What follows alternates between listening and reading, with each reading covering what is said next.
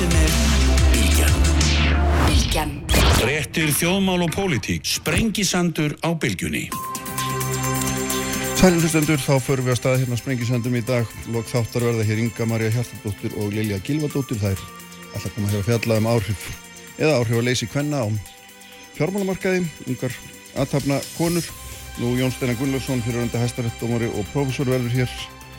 Eh, Þurriði Siguradóttir sem er formaður Örkjabandalars Íslands verður hérna líka en fyrsti gestur minn í dag er Sigur Ingi Jóhansson sem er auðvitað sveitastjórna á sangöngu ráþurra formaður framsóknflóksins samstarfsráð þeirra Norrlanda fyrirverandi landbúnaður á mjög ekki aða til hana fleiri. Heyrðu, blessaður og velkomin. Já, sælir, takk fyrir. E, Það er svona eitt og annað sem við skulum fara yfir núna hérna, ef ekki aðeins að byrja bara á þessum þeirri staðrind að það eru einhverjur 20 og eitthvað þúsund mann sem er að býta vinnu og hérna, ég veit að þú ert áhugað maður um, um aðtunum uppbyggingu og því hafi verið það og hérna áfram og ekkert stopp sem á revjunum og klassísk lágur hérna fyrir einhverju síðan. Fórum ekki vel en Nei, ég veit nákvæmlega. Það var góður hugur í því. Það var góður hugur í því. Það var, hérna, hvað er sagt, the road to hell is paved with good intentions stendur nösku staðar. Heyrðu, hérna, en hvað, hvað sér því spilunum? Hvað, hvað, hvað getur við sagt við fólk sem að býður eftir einhverju ljós í myrkrinum? Svona heilt yfir þá er ég nú frekar bjarsinn sko.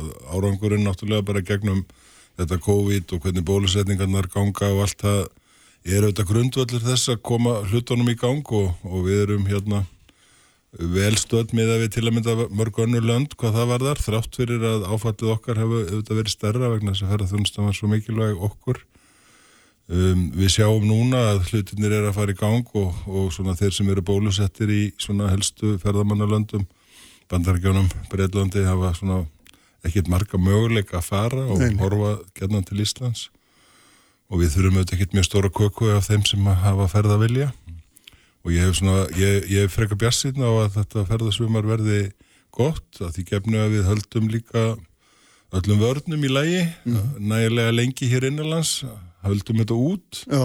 og eins hérna erum við með gott skipulag á, á landamærunum, þannig að ég held að það muni tikkar hraðar inn heldur en margir höfðu kannski óttast fyrir ekki svo lungu síðan. Það hjálpar auðvitað alveg gríðarlega og ég bara heyrði í, hérna í bæjastjórunum í Reykjanesbæ, ég var nú reyndar þar á förstu daginn, meðal annars með henni þurriði, hérna fór henni örkjabandalagsins, við vorum að setja þar að verkefni í gang og hefðu opnbera í aðgengismálum en kjartan bæjastjóri hafði emitt sko verið að segja frá því bara í fjölmjölum nokkrum dögum áður að það væri svona doldið annar bragur orðin strax á, á Suðunissunum. Já. Það er auðvitað það svæði sem hefur orðið harðast úti. En það eru fleira sem þarf til. Ég held til þetta mynda að það sem að við höfum verið að gera og félagsmálur á þar hann hefur staðið fyrir hérna, verkefninu um sagt, hefjum störf sem var svolítið nálgun á þennan tíma þánga til atvinnlífi sjálft fyrir að taka við sér að reynlega búa til störf á vegum hins ofnbera og höfða þannig til fyrirtækjana til sveitarfélagana til hérna, frjálsra félagsamtaka um að koma með, með ríkinu, með vinnumálastofnun í að búa til starf og fá styrk á móti. Þetta, þessi ákvöru ríkistofnarnar hefur mælst mjög vel fyrir og þetta verkefni gengur eila betur heldur að hefði svona geta trúað. Ég held að það varu um daginn væri um fjögur þúsund sem að voru komin í einhvert feril og mm. sannilega tæp þúsund ráningarsamningar ornir. Já.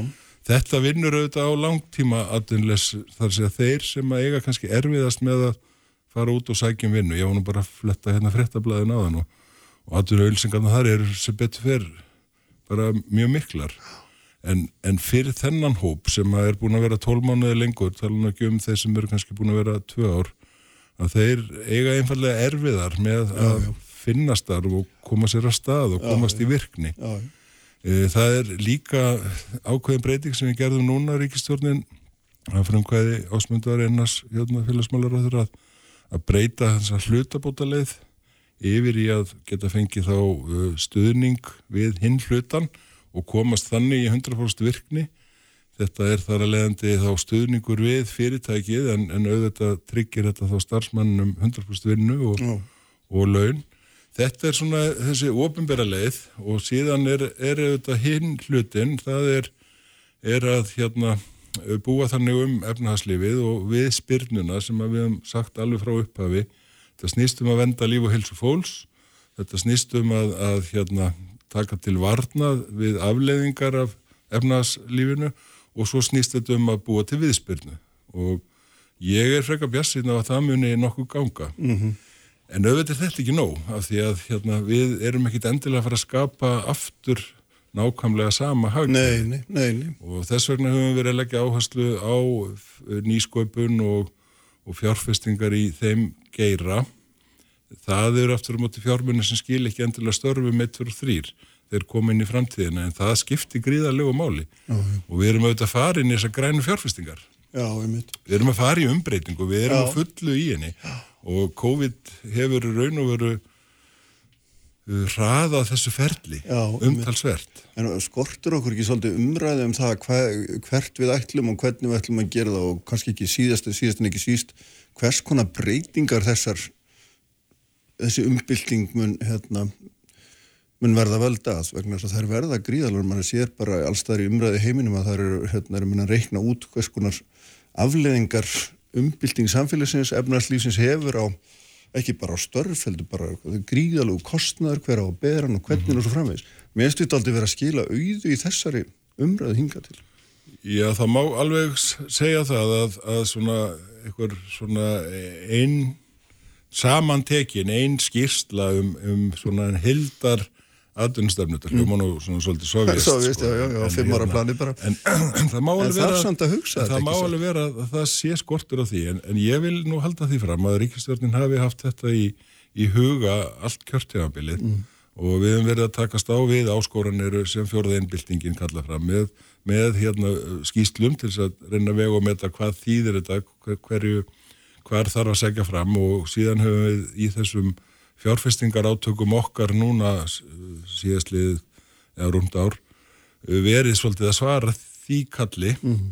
en það þarf fleira til og kannski er bara ágætt að það eru kostningar eftir fjóra mánuði og, og flokkarnir geta þá svolítið hérna lagt fram sína sín mm. á það hvert við erum að fara og hvert við þurfum að fara og hérna kjósundur geta þá valið það þannig að næsta kjörtíðanbíl verður alveg klárlega varðað eða mun snúast alveg svo þetta kjörtíðanbíl mm. átti fyrst og fremst að snúast um já. uppbyggingu innviða og ég já. vil nú meina okkur að við gengið það mjög vel. Mm -hmm. tegum bara samgöngu um þar sem ég þekki auðvitað best. Já, en margt annað hefur okkur gengið vel. En næsta kjörtíðanbíl mun svolítið snúast um þessa umbyltingu. Svo komið þetta COVID og það hefur bara segist eins og verið að, að það hefur held tekið hérna, hug og hjarta allt, allt og allra svo flestu þykir nú nógum Já, já, ég get alveg sagt en, en sko ég vil meina að við séum í þessari breytingu. Og, og í huga okkar, í huga mínum er alveg skýrt hvert við erum að fara. Við erum að fara í þá átt að, að gera me, meira og betur úr þeim hérna, greinum sem við erum með og uh, meðal annars með stuðningi frá nýsköpun og hérna framleiðinu aukningu, tæknibreitingum hvort sem er í, í hefðbundum greinum sjávarútdags, hann er auðvitað búin að vera á því mjög lengi orkugeiranum uh, í ferðarþjónustunni, það er það sem við þurfum að gera núna. Og síðan er engin spurning í mín huga, við erum að fara að leggja miklu, miklu meira áherslu á hérna skapandi greinar. Uh -huh. og það verður hérna, það verður svona undirstaða næstu segja, megin atvinnugreinar Íslands og já. það er búið að tala um það lengi já, já. en við erum búin að vera að vinna okkur í hægin þangað en ég held að nákvæmlega hvernig við ætlum að komast ángað muni einhver leiti kostningarnar í haust snúastum. Já, þannig að þetta verður svo þessi framtíða sín inn í umbylting á hagkerfinu, inn í þetta græna hagkerfi, það verði Já. það verði ádagamálið. Já, þetta snýst. Sem er freka kannski svona óljósmál eða svona, þú veist, margþætt mál, þetta er ekki svona, ertu með á móti, heldur margar leiðir Já, þetta, þetta, er, þetta er kannski frekar einmitt hvaða leiðir viltu fara. Uh, við í framsók Það sé mikill áherslu munur á til dæmis ykkur ríkistjónaflokkunum í þessum málum uh, ekki, ekki kannski mikill en hann Nei. verður einhver Já. og við sjáum til dæmis bara umræðuna eins og hún byrtist okkur í, í bandaríkjónum þar er Joe Biden sem við erum nú að skemmt okkur við að segja að sé valdamesti framsóknum aður í heimi samvinnumadur samvinnumadurinn sem að Ok, hérna, já. samvinnumadurinn sem að er að reyna að samina þjóðina Já. og hvað er hann að gera? Hann er að gera það sem að við í framsóknu höfum mikið oft talað um Mm. oft framkvæmt í gegnum tíðina það er að leggja áherslu á fjárfestingar fjárfestingar í fólki Mhm. af því að við ætlum að undirbyggja hérna skapandi greinar og fjárfesta áfram í innviðunum, hvort sem eru mentakerfin, hvort sem eru heilbriðiskerfin, samgöngur eða aðrar, aðra innviði samfélagsins.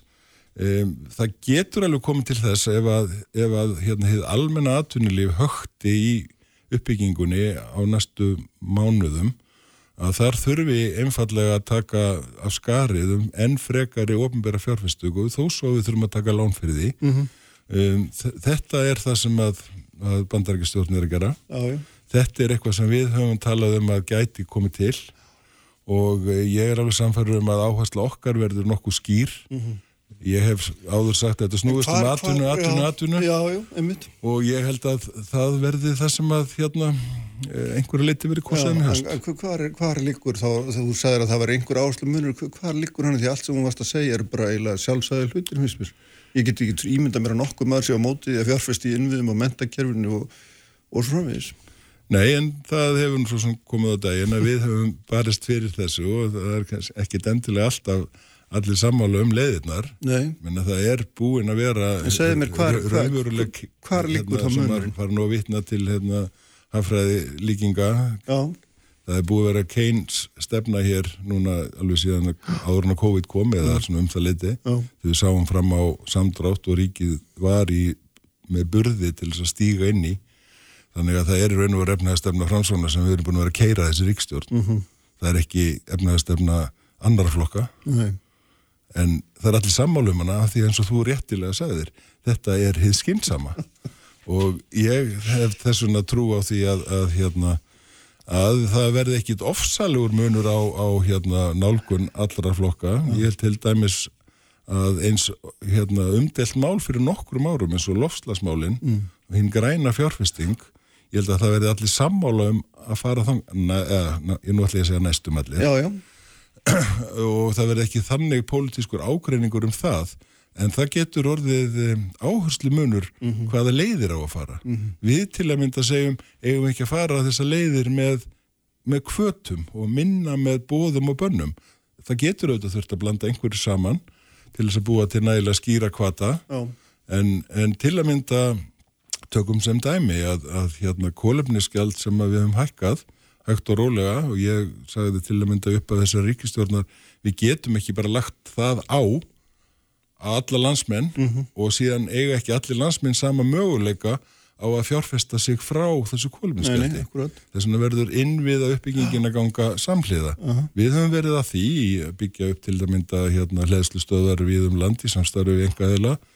Það sama mætti alveg hugsa sér um sko þetta kólminskjald sem er farið að taka svolítið í að í stað þess að það renni allt saman í ríkisjóð sem skattur þá má alveg hugsa sér að það gjald renni til fjárfestinga uppbyggingar á þeim svæðum þar sem það verður til. Og þannig verði bæði til atvinna, e, betri innviðir, fjárfest í fólki og peningandi nýttir á staðnum.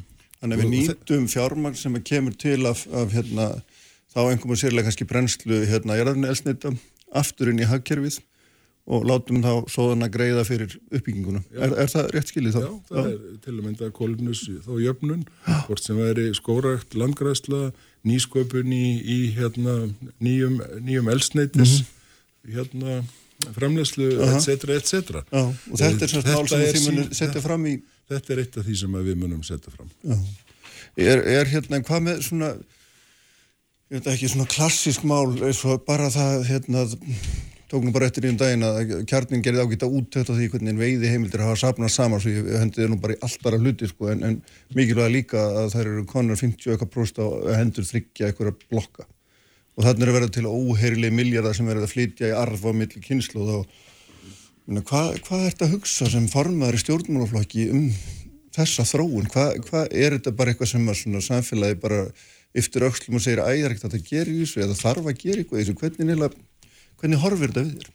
Já, við höfum hérna verið að skoða þetta og svona í heilsinni þá getum við alveg sagt að aflaheimildir dreifist ágætlega yfir allt landið mm. og það þarf svolítið að ræða þess að taka þessu umræðu á, á grundvelli staðreinda en ekki hérna hefðbundinu skotgrafa sem hún hefur verið í.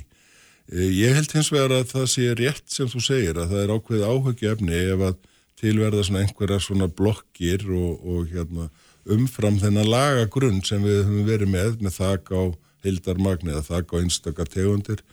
Og ég orðaði það nú á miðstjórnafundi hjá okkur í, í, í líklega fyrir COVID, það ver, verist vera heil eilið síðan, það ekki verið nógumber 19, já, já. að mér finnist alveg koma til greina að stilla þær skrúur af já. með þessi þögg, uh, það þarf augljóslega að skýra hérna það sem heitir tengdir aðilar í sárótvi, mm -hmm.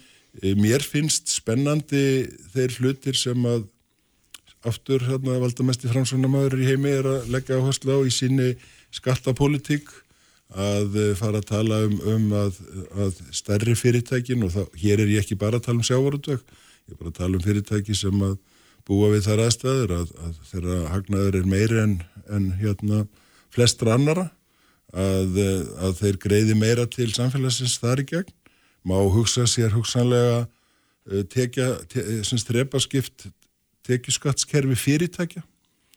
Það er eitthvað sem að mér finnist koma til greina og þannig að, að, að, við séum ekki að hamla því að þessu öflugu fyrirtæki byggja upp og noti fjármunni í nýsköpuna því að það er drivkraftur þess að búa til fleiri störf og búa til peninga og, og sem við lifum af að selja hérna útflutningin okkar en hugsanlega að, að hérna jafna leikinn hér innanlands á móti mhm. -huh. og tala nokkið um ef að þetta verður alþjóðlega bylgja hérna sem að bandarækistjórn er, er að fara að koma að stað Já.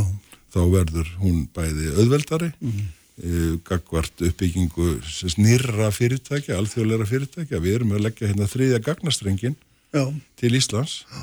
það er ákvörðun þessar ríkistjórnar og við erum að gera það með þeim hætti að, að hún verður semst almenn, það verður ríkið sem á innviðina þannig að samkeppnin hefst við endastöðuna og við erum að fara að búa til samkjöfn hér innanlands eða semst ít undir hana mm -hmm.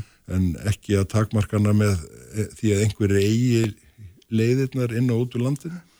Þetta gæti hins vegar orðið til þess að, að það veri þarna nýra vakstar möguleiki fyrir gagnaver og, og bara allan þann geira sem byggir á því. Já.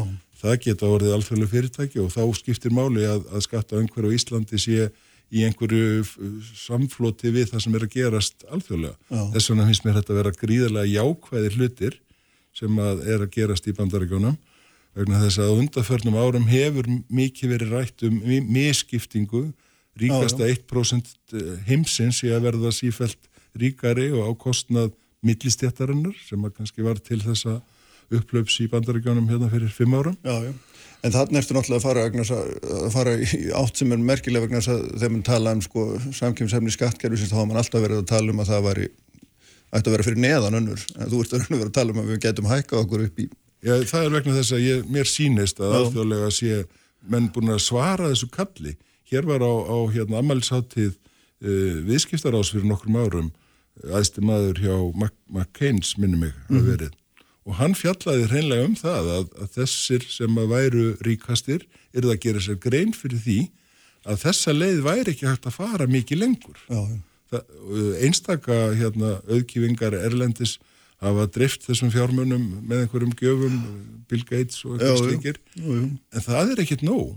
Það verður að vera réttlátt kerfi mm. og uh, ef að hérna, heimurinn er að fara í þessa átt þá er það engin spurning í mínum huga að við eigum að gera það líka.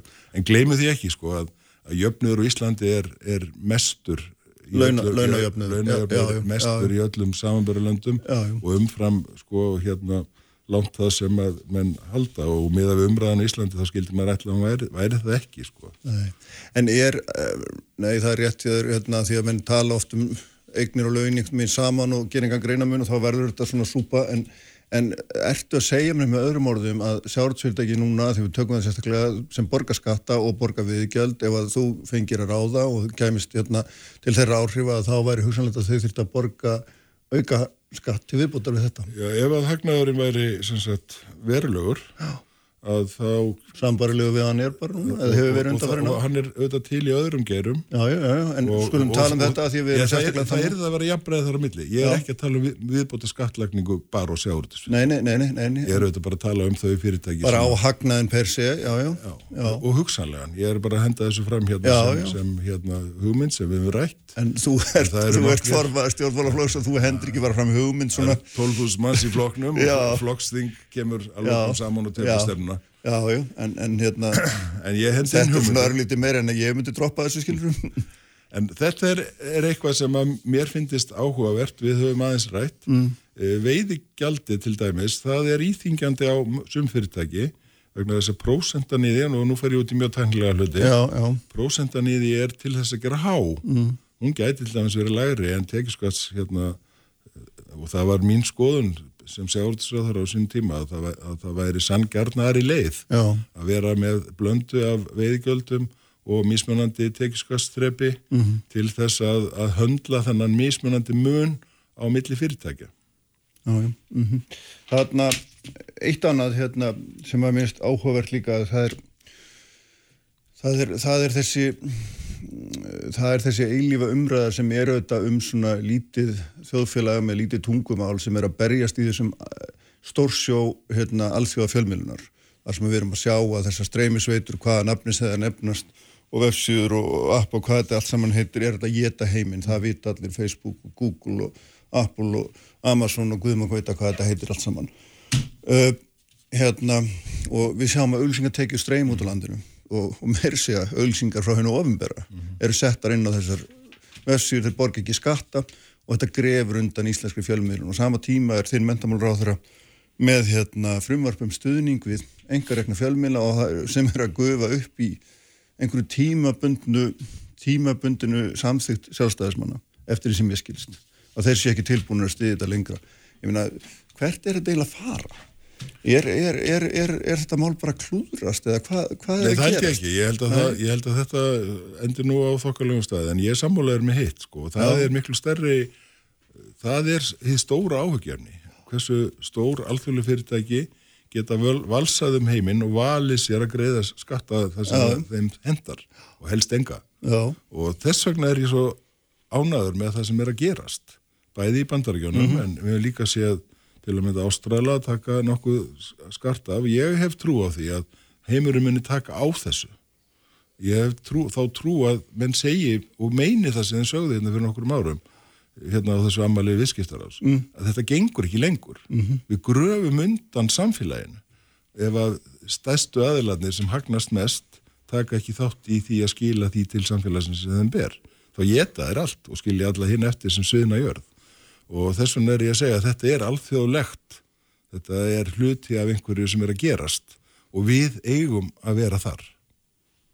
en svarið við hinum hluta Með, spurningarinnar með, er með stuðningnum. Já, já Ég- en ég- ef þú vilt þess að láta styðja þetta, en ertu sáttu við þetta sé tímabundið og hérna Nei, nei, við, við, þetta er eitthvað sem að hefst tímabundið Já. og síðan verður þetta einhver hluti af kerfi en við verðum að taka á stóraleikan. Já, já, já, já, eðluslega, en, en hérna meðan að staðan eins og hún er þá þarf líka að, að hérna, stoppa upp í göttin og meðan við erum að hérna, gera það fyrir hitt, ekki satt? Þetta var, auðvitað var gert sem- þetta þetta COVID-stuðningur.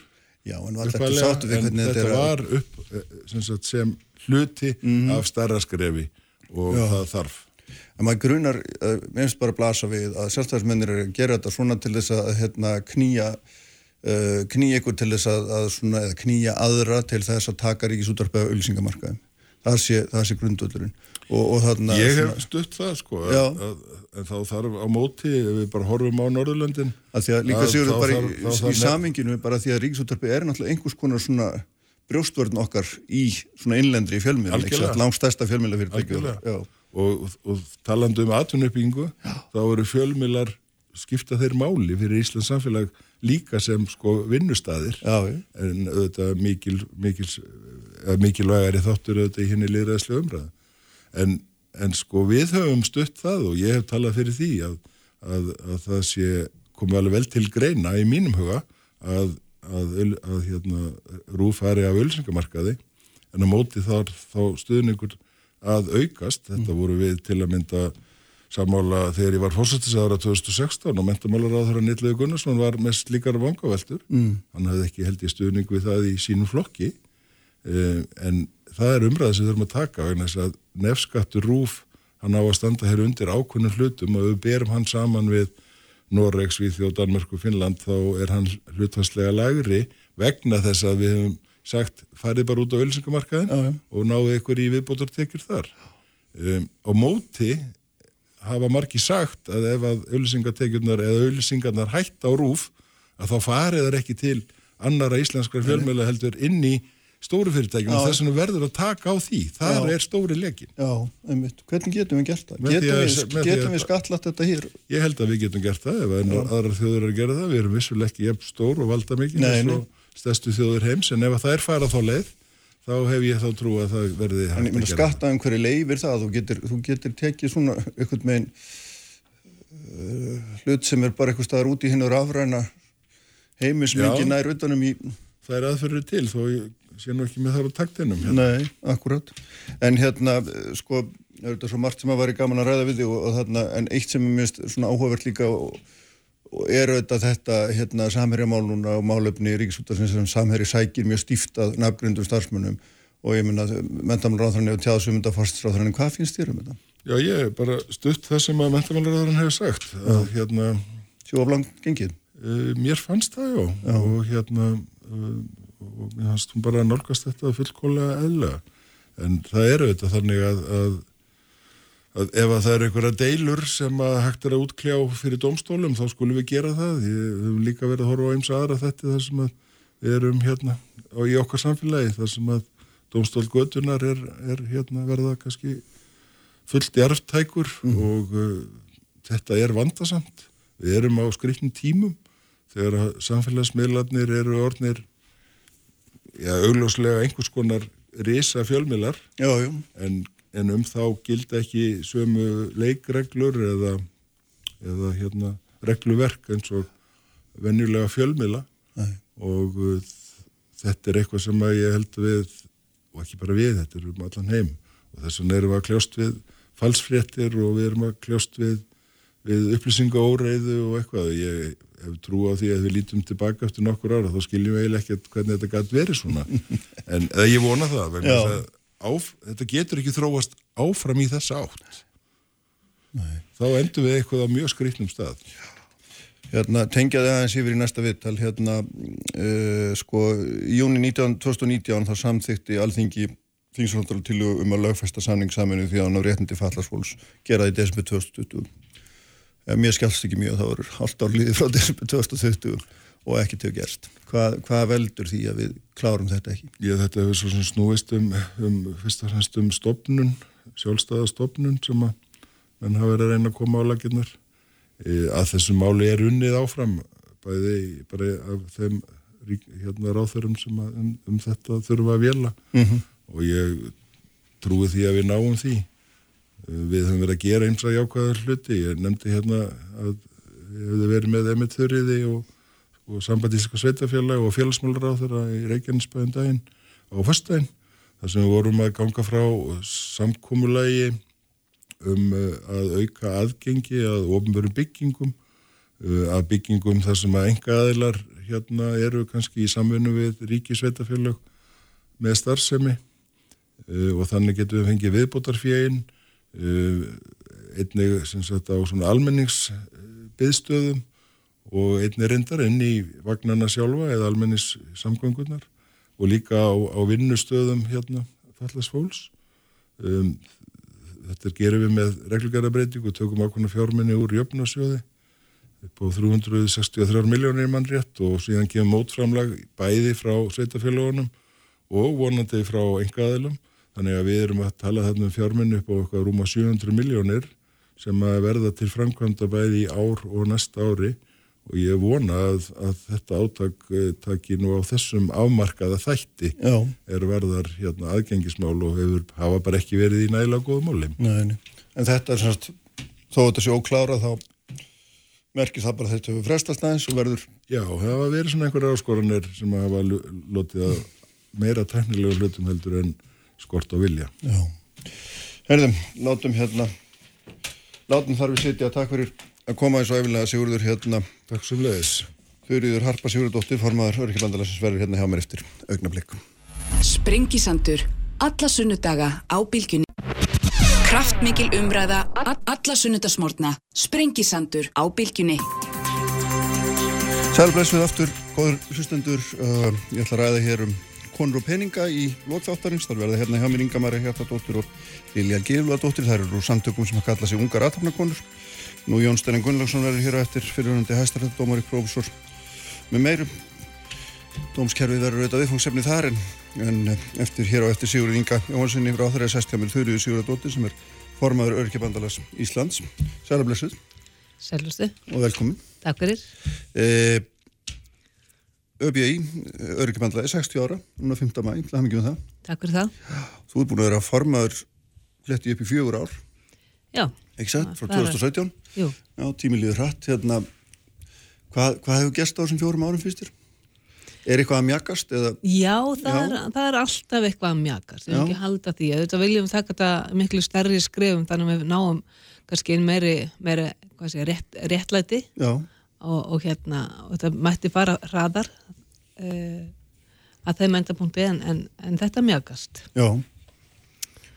Sko það er, það er hérna svo sem þegar maður fer að fletta þessu, það er svo margt sem að kannski væri svona, margt undir en sko mest áhugavert svona því ég sé að að uh, mjög, mjög áhugaverð greina á heimasíðinu hjá ykkur um, um bandaríska rannsókn þar sem að hérna, er eitt af svona þessum málun sem er alltaf umræðinu sem er um, er um atvinnu þáttöku fallars fólks og hérna, þeirra sem eru á einhvers konar skerta starfsketu vegna þess að auðvitað er það þannig í grunninn að allir vilja sjá fyrir sjálfum sér það er, það er eitthvað svona grundvallaratrið og eitt af eitthvað stærstu málum en náttúrulega sem flesti geti gert það.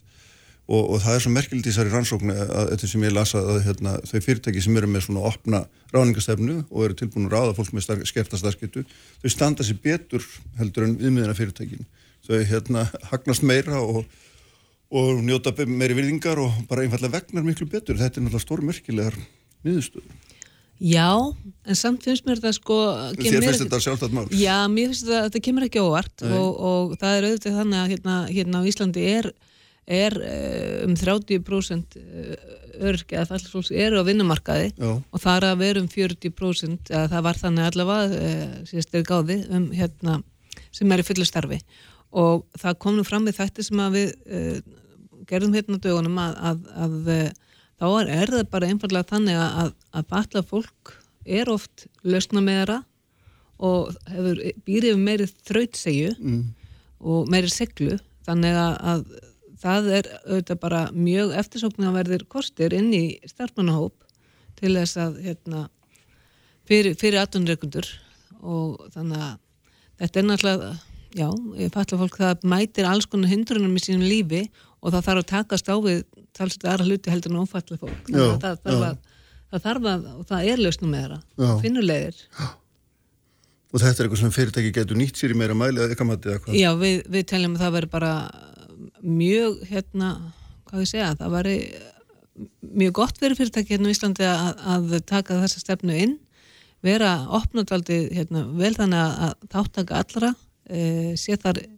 í, í stefnunni og það sé það tekið á móti fölluðu fólki og við sjáum það núna í þessu COVID sem hefur verið hérna í heilt ára að, að þar er uh, hafa við, fyrirtæki einmitt tekið upp viðegandi aðlögun uh, fyrir sitt starfsfólk mm.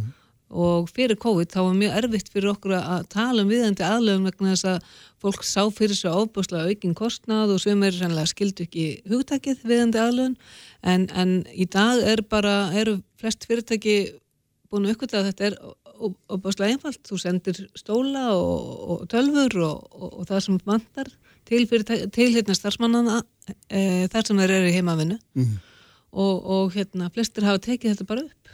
Já, já, þannig að það ætti auðvelda bara fyrirtækjum í dag að, að hérna e, taka upp svona viðjandi aðlöðun e, þar sem að, ef hafi fólk vilja og fyrirtæki vilja til þess að ráða falla fólk vinnu. já.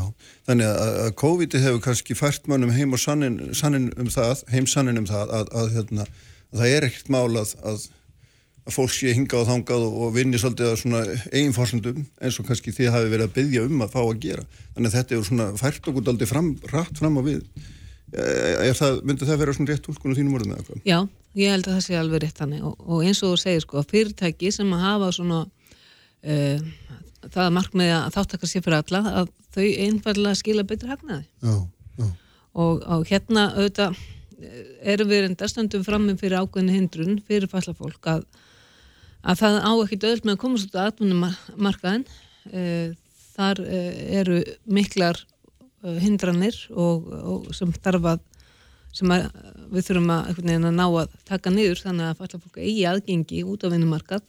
Og, og það þarf að skapa því um, það þurfa að vera sveigjanlega stöð og það, störf og það þarf að vera hlutastörf í bóði já, og svo þarf náttúrulega að vera til uh, störf sem er þá í bóði fyrir uh, mjög margbreytilegan hóp. Já, einmitt.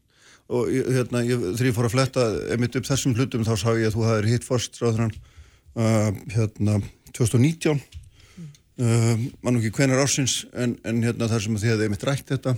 Og, og hún hefði tekið því mjög vel að ríkið þetta hérna aldeilis að taka sig á í að skapa hlutastörf á sínum eigin vettvangi. Ég mitt segðu mig hvað hefur gæst, ef eitthvað Við hefum bara ekki orðið vörfið að það var mikið, mikið hefur gerst og, hefur og gerst. þetta hefur ekkert gerst sem við vitum um allavega. Nei, En hins vegar höfum við orðið við vörfið það að þegar við tölum við fólk bara hérna, fyrirtækja eigendur og atvinnreikundur út í samfélaginu að þar er mikill vilji og, og þar skinnjum við mikið vilja sem er náttúrulega bara, bara mjög gott og hérna og við sjáum það, það mætir einhvern veginn algjörlega því sem við sjáum bara í okkar hópi að það er mikill vilji fólk vill fá að taka þátt Já. það vill geta hérna, lagt á mörgum og, og hérna en, en eins og segi við, við höfum búið þessum hópið e, daldi vonda kosti þar sem að e, stjórnvöld hafa reist alveg gríðalega háa múra e, í formi skerðinga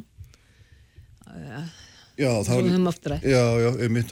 og erum við að tala um þessa frægu krónum út í krónuskerðing Ég bara, og, og alls, konar, konar, alls konar tekjutengdar skerðingar, alveg saman hvað er, ég held að við eigum nú eiginlega bara við, við eigum heimsmet ef að svo mári komast Íslendingar í, í, í, í svona tekjutengdum skerðingum og, og skerðing á bótaflokkum.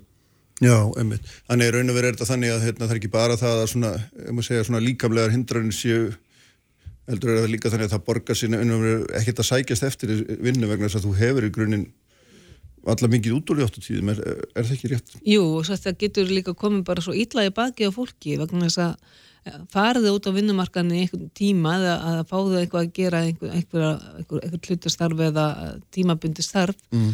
að uh, þá færði þau bakið yfirlegt uh, háa kröfu 200 krónur kannski frá tryggingastofnun eða meira. Mm. Þetta eru háar kröfur þegar fólk hefur mjög lágan líferir og, og það bara það, það næri ekki að, að hérna, getur ekki sett sig í þessa stöðu. Mm, nei, að það þýðir ekkert að hérna, jável þá manni sé bóðið eitthvað starfa þá hérna þá vil að kemur það ekkert greina þykja Nei, það getur verið mjög erfitt. Já, já, en þú saðir á þann að vera 30% öryrkjum á vinnumarkanum, er það, er það því ég átti myndi ekki á því, er það, er það hátt hlutvall með annar staðar, eða hvernig er þetta miklu lægra hlutvall mm, Mm, þið ég- ég að sjá þetta eða hvað bara- svona Ég held að þetta sé bara uh, daldið hátt hlutfall þannig að sé þetta bara með, og bara annars það eru jafnvel, bara sambaralegt um, við höfum stundu verið að tala um hérna, starfskytumat sem að önnu lönd hafa tekið upp eða Norrlöndin tóku upp sko og, uh, og ef við tökum dæmi frá Danmörku sem ég hef nú ekkert um að rætt áður að hérna þegar að uh, falla fólk var þar búið að fara í gegnum starfskyttumat og, og síðan fóruð að skoða hvað þetta hefur skilað, hvað, hvað margir hefur farið út á vinnumarkaðin að e, þá voru 40% sem fór út á vinnumarkaðin 60% voru áfram á örorku Mm. þannig að við, við höfum nú talað um það okkur finnst nú ekki þörfa á því að breyta okkar, okkar matskerfi til þess að eh, það, til þess að falla fólk farið út á vinnumarkaðin því þá vorum við raun og veru bara að sækast þetta 10% meira meira þáttöku heldur er í dag Já, þrátt fyrir allar, allar þær hindranir sem fólk býr við í dag sko, já, já, að þá í raun og veru þurftu bara að taka niður gýringarnar Já. og, og þar þurfa stjórn, stjórnvöld að stíga bara mjög stór og, og hérna, afdrifa rík skref inn já. og gera það að einhverju alvöru núna gáfið út hérna eh, svona bæklinga eða fjórblöðung um, um hérna tilumna 60 ára fylgdi fréttablaðinu og hérna það sem þið spurðu um fulltrú allra stjórnmálaflokka nákvæmlega um þetta. Hvernig þið sæði fyrir sér að þeir getu hérna einfalda þessa hluti til þess að auðvelda og ég meina, hvað, fannst þér um Ég, mér, fannst, mér fannst svörin auðvitað bara mjög góð yfir höfuð. Þarna gaman að sjá þannig samlum sem að þarna er að meðal þessar flokka og, og ríkur vilji til að einfalda kerfið og draga úr skerðingum og draga verulega skerðingum. Og það þýðir þá að, að, að, að það að opna þá vinnumarkaðan fyrir þá sem geta stundar hlutastörf en um leið verðum við að geta haft það þannig að þeir sem að ekki geta unnið að þeir lifi samt, mannsamandi lífi.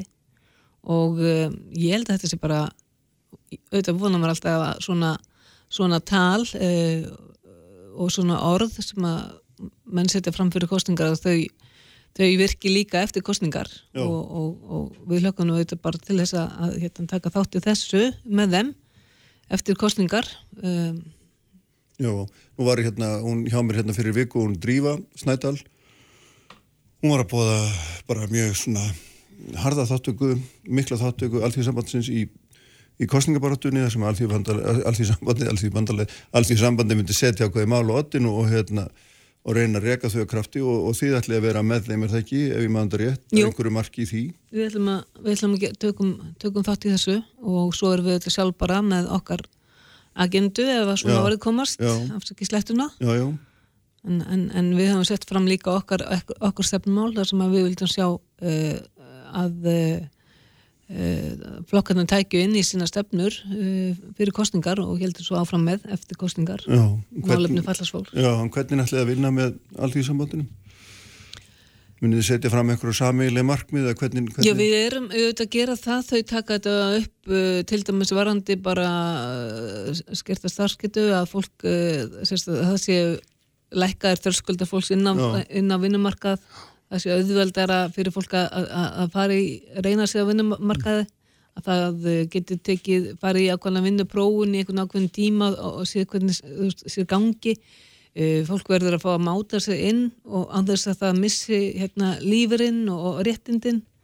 Og, og, og það verður svona hlutir verður bara takast í, í skrefu að það er svona ég rekna með að þetta sé það sem við verðum aldrei sammála um að Setja ótinn. setja ótinn já, Já. og erum sammála um að setja ótinn Já, einmitt. Uh, hérna, sko, eitt af því sem að svona, þið eru náttúrulega líka ræða um og er áhugavert þessu samengi er auðvitað þessi hugmynd um þetta norræna velferðarkerfi. Þar sem að þið eru, uh, hérna, eru það beina sjónum að því að Íslingar við séum ekki, við séum ekki eins og þið séu raunverulegt norrænt velferðarkerfi vegna þess að við leggjum ekki nægilegan, hérna, nægilegan hlut á, á okkar þjóðarframlislu í, í velferðarmál og, og, og hérna, þetta er vantilega eitthvað sem að þið munið knýja á um að, hérna, á að breytist. Já, við höfum verið að skoða þetta og, og, okkur nú, ég vil bara segja að mann er brá þegar maður sá niðurstöðuna. Við erum talsvert uh, talsverði eftirbátar uh, þeirra landa sem við viljum með okkur við. Og um, þannig að, að hérna, það þarf að það þarf verulega að gefa í ef að, ef að við ætlum að bæta þarna í. Og, og það er algjörlega tækifæri til þess en það er eins og, eins og að þessi segir það ná til. Já, Þannig að við erum, við erum uh, eins og við settum þetta fram þarna í, í hérna, greinni, greinni hjá okkur í fréttablaðinu gæri eða framan af fréttablaðinu þar sem við föðum já, akkurat. tilefni af, af 60 ára amalinu að, að þá er Ísland uh, með um 17% af uh, landsframleiðslunum sem að, að Ísland að leggja til velferðamála á meðan að Danmörkum með tæp 30 og, og Nóru 25 og um, ef, að, ef að við tökum lífeyri sjóða kerfin okkar inn í þetta sem er reyndar dálítið ólíkt því sem er á Norrlöndunum nema kannski Danmörk og þeir eru þar með frálsa lífeyri sjóði að þá eru við samt talsvert langt undir. Við erum með 22% af okkar landsframlæðslu uh, sem fer inn í velferðamálin á meðan að til dæmis Danmörk er með 33% og þarna getum við líka bent á það að uh, þessi lönd eru búin að taka upp starfskiptumatið en samt eru þau að borga talsvert herra inn í sitt velferðarkerfi heldur við. Og, og hérna, já, Noraður til þess með 26,5% Já, en það er þannig þá að við- þannig er það ekki að þegar við tökum þetta lífyrirsjóðakerfi sem er með sem er nokkuð sérstætt þá svona minkar þessi munur að því fyrst og fremst er hann alltaf reiknað bara út frá já, útgjöldum í upphaf, ekki sett. jú, og ég er, að, ég er að segja það þó Já. við tökum það inn í. Já, að þá er erum samt þá verulega langt á eftir. Og, og, og þarna er líka þessi lönd eru líka að leggja inn í, inn í hernað ákveðin prósentu sínu sinni landsframneslu þannig að, og svo erum við samt sko, við erum alveg meðaltali á, á, á, hérna haus. Með, með framneslu per haus. Þannig að við erum ekki, við erum ekki legst þar. Þannig að það er svigrum í þessu til það ætti að að vera mikið til þess svið, að já gera, það ætti að vera það. gera betur. Hérna, e- eitt mál sem ég langar líka aðeins að nefna við því og ég held við hann nú rætt áður er mjög stöð bara hérna, að ræða og það er það mál sem ég reyndir enda líka í sístu viku þar síðustu nú er ég mann ekki alveg, Þarna, en það er mál Ellings Smith sem er, hérna fallað maður í Mórsbæ sem var þvingað til þess að eða löngu tíma á hjúgrunheimil og ég veit að þið hérna voruð að bak við hans málsók sem hann vann fyrir hérastómi og þetta er náttúrulega ótrúlegt mál og, og, og, en, en vannst þarna var það ekki mikilvæg og sigur í því mjög mikilvæg sigur. Já, Já, við vorum mjög ánað að sjá þessar málulegtir.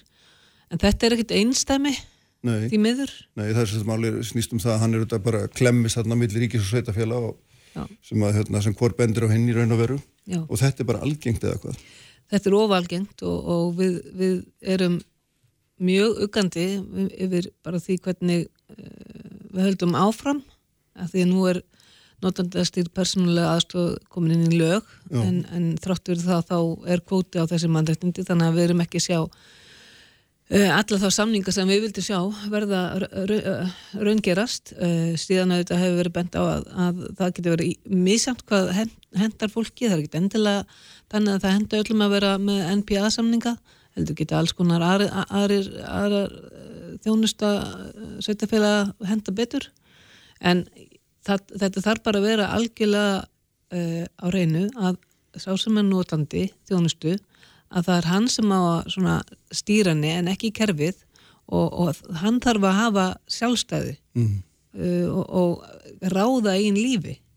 En, en, en það má ekki loka fólkina hjókunaheimil vegna þess að þá ertu komin í alltaf stöðu þú átt engi réttindi lengur. Nei, þannig að eða mjög lítil og þú, þú ert komin algjörlega undir kröfu hjógrunheimilis og þess vegna er mjög alvarlegt þegar við horfum á það núna í dag að hérna er við með fjölda sko, 150 mann sem eru undir, undir hérna 67 ára aldri jáfnvel bara mjög ungt fólk uh, inn á hjógrunheimilum það þarf að vera, fólk þarf að hafa val ef það vill vera uh, búast ástæða búsettu og, og taka þjónustu heimdi sem kostur maður hjógrun þjónustæða eða eitthvað annað að það áða að hérna geta valið það.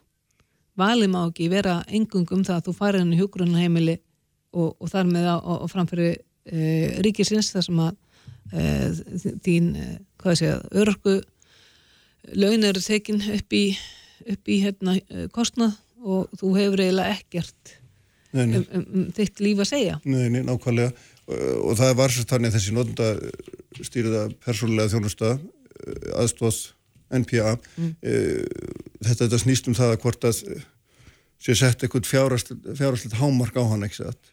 Þar sé það sem þú kallaði kvóta þannig að hérna og að því að það, það þýðir það, það að það get ekki bara allir fengið sér sækjum heldur er bara einhver kvóta og svo þýðir náttúrulega úsatt við það sem þið deljið er ekki að hver einn eigi bara fullan rétt á þessu samkvæmt lögum? Jú, jú, við telum að hverja nei rétt á þessu og þetta er samkvæmt lögum. Já, En það er nú ímislega sem sett í lög sem er ekki framfyllt og við getum bara að tala um hérna, til dæmis sálfræða þjónusna sem að var sett í lög en, en ekki búið að fjármagna þannig að það er ekkit það er lítið að gerast þar, ekki nægilega mikið allavega. Nei. En hvað sérðu í, að því að þetta er svo merkild málvegna þess að náttúrulega nú kemur það út úr þessum dómi að, að, að erlingi þessu tilvilliki hann á að geta að bera hallan af því hvort að ríki og sveitafélagi komið sér saman um fjármögnuna það verður bara, þjónustan verður bara að vera fyrir hendi og ríki og sveitafélagi verður sína bara að leysa úr sínum ágrinning einhverstar annar staðar. Þetta mun, hvaða áhrif mun þetta hafa fyrir svona ykkar ykkar fólk, eins og maður segja? Ég bara ber vonið til þess að þetta muni hafa jákvæða áhrif. Ég vona að, að menn bara átti sig á því það get ekki haga sér svona, haga, haga sér svona gagvart eh, einstaklingum og fólki eh, að setja það í þessa klemmu og í þessa ánuð eiginlega að, að get ekki einhver eiga ekki sko rétt á að velja hvernig, mm. hvernig og býrðu með hverjum og, og sveitarfjölu svona og ríki, þau bara verða að setjast niður og ákveða hvernig ætlaðu að leysa úr þessu þetta má náttúrulega ekki koma niður einstaklinginum þannig að hann þarf alltaf að, að bara fá að uh, fá, hafa sína þjónustu án þess að hafa ágjur af því hvernig sveitafélag ríki ætla að leysa málin. Mm -hmm. Já. Nú eru þið hérna svona rétt í loginu 60 ára og hérna hvað sér þú svona fyrir þér næstu árin, að segja það, þú horfir aðeins fram í tíman, hvað, hver eru draumarnir, ekki að gjörða það bara þannig? Já, draumarnir, við, okkur dreymum náttúrulega stóra drauma og, og þar á meðal er auðvitað hérna, samningu samlega þjóna um réttindi falla sólsverði lögfæstur og að því að Sigurður Ingi kom hérna inn á að það þurfti nú að um, koma þessari sjálfstæðu mannrettindastofnun á laginnar til þess að svo geti orðið þá já, ég er nú ekki alveg sammálunum það, það sé einhver nöðsin en það er auðvitað, við höfum svolítið að stýta að hún verði sett á laginnar og hún þarf að vera óháð. Mm. þannig að hún gagnist fælluðu fólki. En, en við vonumst til þess auðvitað að samningunum verði lögfæstur sem fyrst. Síðan er auðvitað bara að, að hérna verði örpu lífur er hækkaður þannig að fólk geti lifa mannsamandi lífi sem að mjög stór hluti gerur bara alls ekki í dag. Og ef við meinum það ef að, ef að stjórnvöld meina það sem við erum að tala um þegar við taka heimsmarkmiðin hérna og, og ræða þau á mikill alvöru að þá eru heimsmarkmiðin nummer eitt að útrýma fátækt og þá eiga þau ekki nærana eins og við gerum í dag Mm.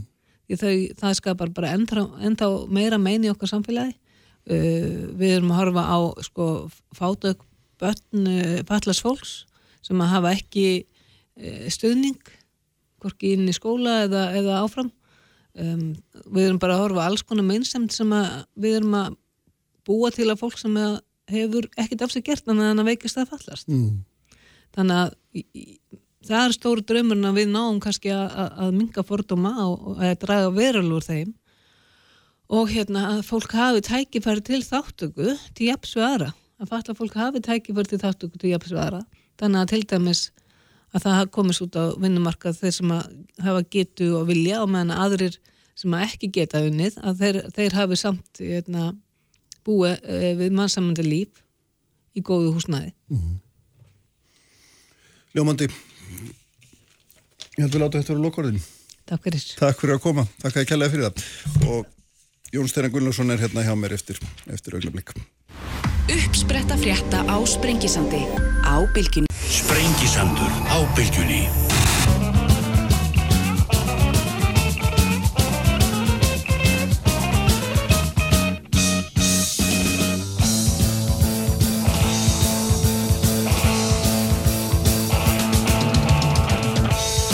Já, sælir aftur hlustundu góðir, uh, höldum við áfram hér á Spengisendurinn núna á 12 tímanum. Þær verða hér hjá mér Inga Maria Hjartadóttir og Lilja Gilvadóttir. Þær eru úr félagskap sem kallar sig uh, Ungar Ratarnakonur. Man fjalla þar um svona áhrifið áhrif að leysi hvenna á, á fjármálamarkaði. En ég ætla hér uh, um, fyrst að byrja í, svona, í dómskerfinu á þínu líku. Hér er skjá mér Jón Steinar Gunnlaugsson, fyrirhundi hæstarhæð dómari og prófessor og lögmaður og, og guðum að vita hvað ekki. Jú, allt mögulegt. Allt mögulegt Takk fyrir, bara. takk Þetta fyrir að bjóða mér. Já, það var nú lítið velkomin Það er hérna, auðvitað er það þannig að þarna við erum þekst ansi lengi Já, já. svona, já og, og ég fylgst með skrifin og haft gaman á og, hérna, og við hefum oft rætt ymsa hluti og hérna uh, ofinbella og ekki og þarna og, og svona ég voru að upp að það er sko 1987 skrifaður á bókina hérna deilt við dómaran Dilt á dómarana. deilt á dómarana, já, akkurat og þarna hann er nú orðin langur ferill í, í svona aðtúa semtum um dómskerfið. Og það sem er svona eh, hérna, og svo fannst mér svo áhugavert núna því að, og það var með tilefni hann Arnar Þóri Jónsson var hérna uh, saði svo dómarafélaginu, hérastómari og hann hefur verið að skrifa greinar um þjóðfélagsmál og verið bara ofinskánu það um sínur afstöðu mörgum málum. Og hann hefur verið hér viðtæli á mér líka um þetta og þarna og, og þetta svona var skítrættur um að koma fram, hann var svo hrættur um að vera forsmáður og, og þess sem að ég nú kannski bara kom svo á endanum að hérna, stóða endum að var gert sko. en þú svona tekur til varna fyrir hann Já, já. hmm. Já, á já. þeim fórsendum að allir dómarar hafa einhverju skoðunar sem sennilega bara betra að vita hverja það eru heldur en ekki Já, er það segja- ekki rétt um mig? Jú, jú, það má segja að það sé ákveð grunnadri í því sem ég sagði um þetta. Eh, grunnreglan er auðvitað svo að dómar að njóta tjáningafrelsis Mm. eins og aðrir íslenski borgarar. Það er engin munur gerður á því. Ég var bara að benda á það að það er, ef að dómar að hafa skoðanir á málum sem valda ágræðin í þjóðfélaginu, þá er þetta miklu betra fyrir okkur að vita hverja þær eru. Já.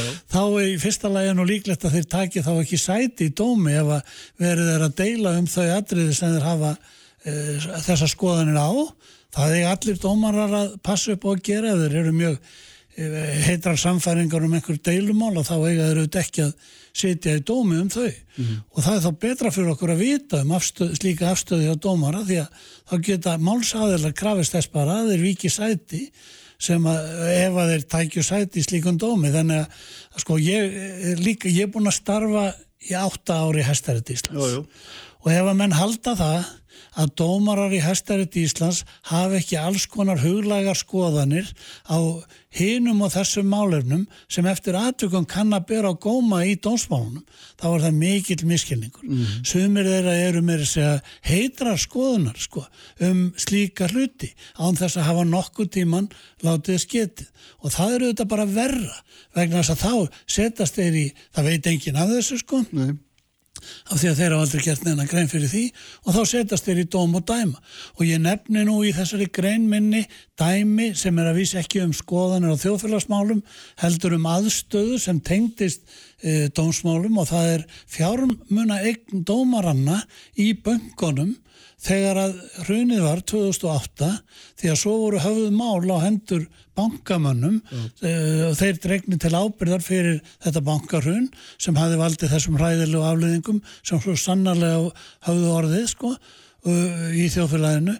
Og, og, en það vissi það enginn að dómaratnir sumir hverjir sem dæmdi þessum málum höfðu tapað stór fjö og, hvern, og þá bara spyrjum við það vissi enginn af því þegar þetta gerðist. Og þá spyrjum við, er það í lægi að dómarar eða menn sem hafa tapað stórfjö í hruninu séu svo látnir dæma í sakamálum á hendur þeim sem eru taldir hafa bera ábyrð á því hruni, auðvitað ekki.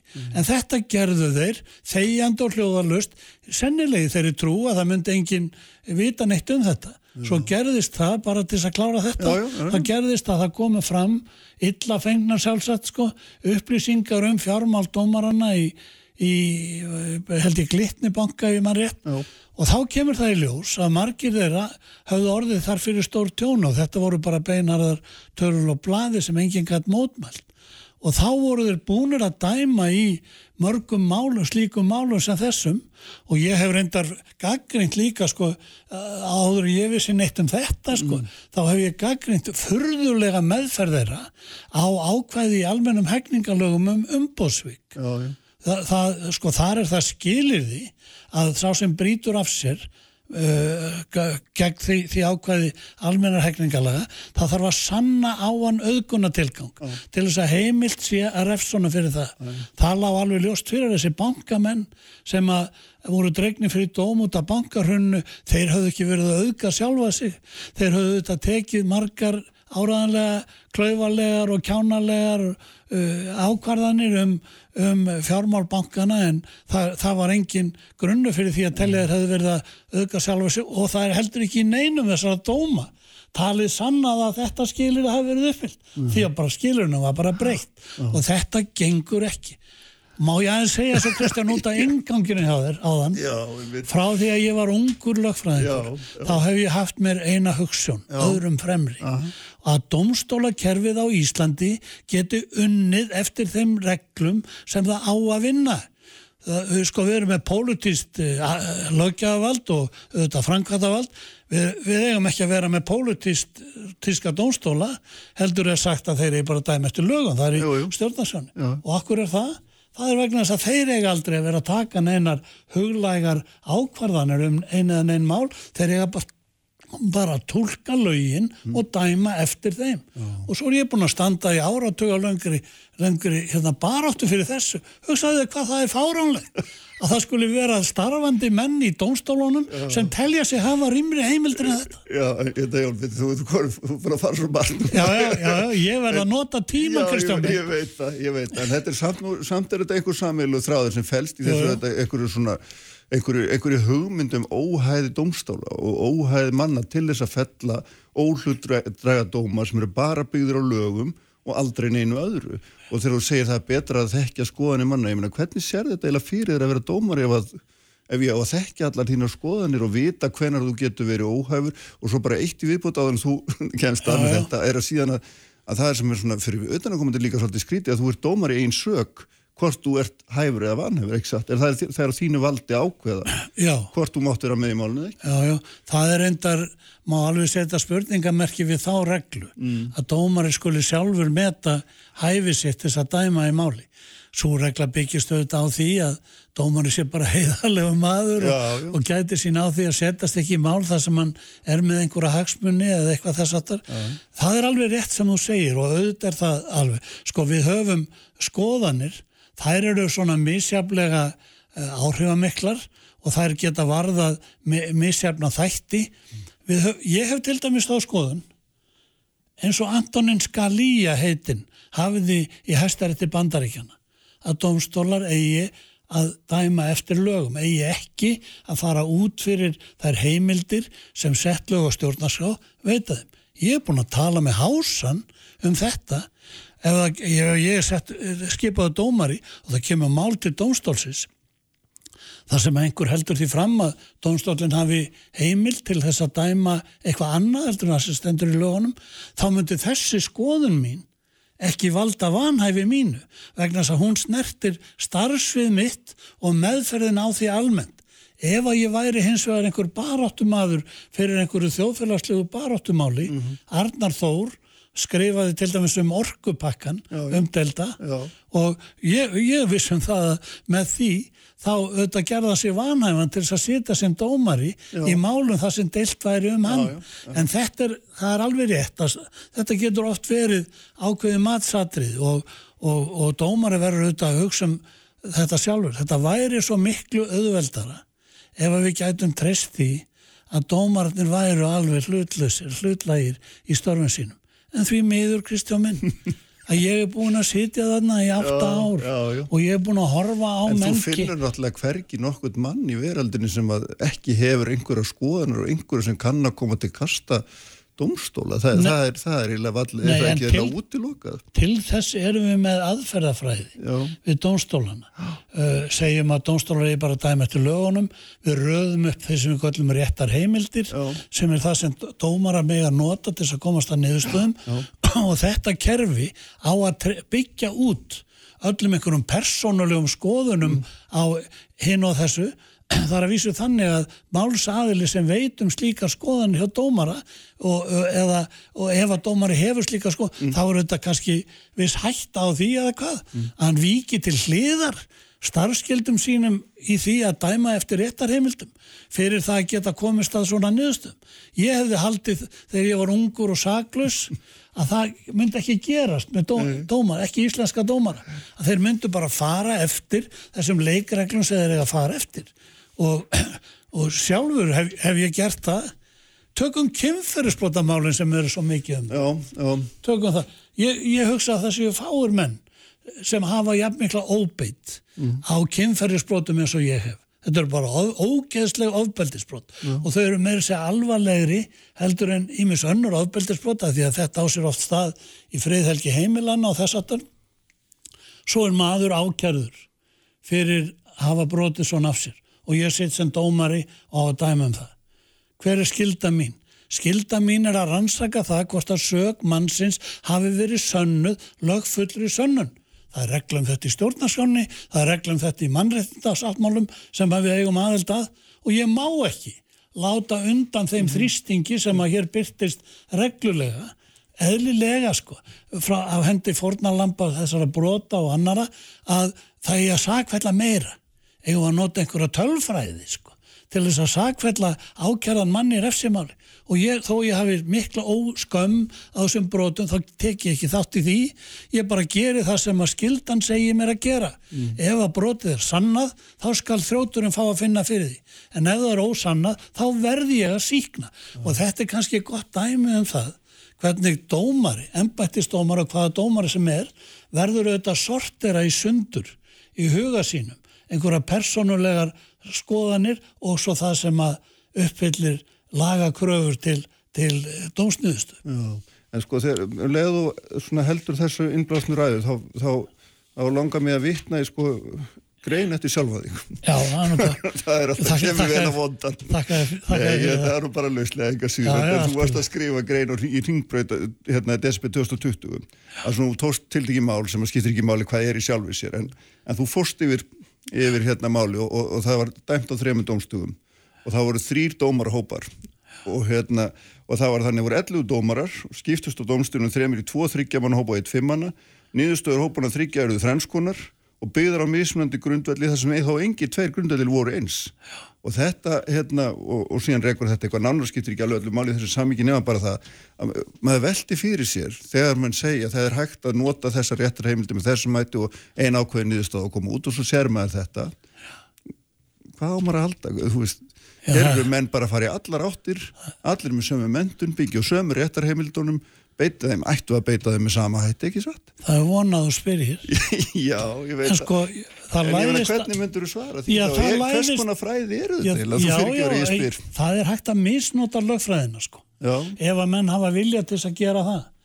Ég held ég viti hvaða máli, ég held ég muni hvaða máli já þetta er. þetta Ég er eitthvað, að- eitthvað þrótabúsmál, en Já, það, já, það ég- breytir ekki alveg öllu, sko. nei, nei, nei, Þú, nei. þetta var flóki málsaður og Já, já, umdæðilegt, já, já. já, já, og það voru mjög ítarlegar rauksendafæslur í því Já. öllu saman og, og hérna, en sko það læðist að manni sá grunur að það kunna vera einhverjar tengingar eða eitthvað þess að það er mjög vond að þurfa að ganga með svona hugsanir sko.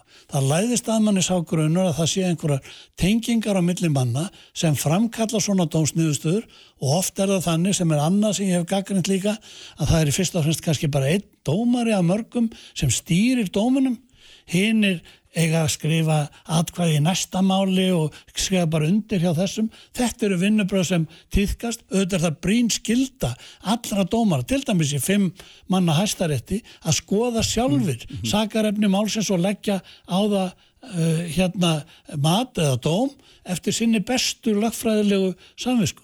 Því miður að þá gera er, menn þetta er, ekki. getur, er, í- það sem ég er að velta fyrir mér er það, er það svo takt að í raun að vera hægt að uh, leggja mál þannig út að það komast bara að mörgum mismunandi niðurstöðum, ég veit að þú ert í hjartaðinu algjör ósamálað sem ég maður getur ekki lesið annað út úr þessu en að það sé þetta á einlega bara hvaða niðurstöðu sem er Ef að menn hafa vilja til þess að taka sem sagt en niðurstöðuna þessi absolutismi þinn um að það sé bara ein niðurstöða ég meina, er hún ekki þá kolfallin?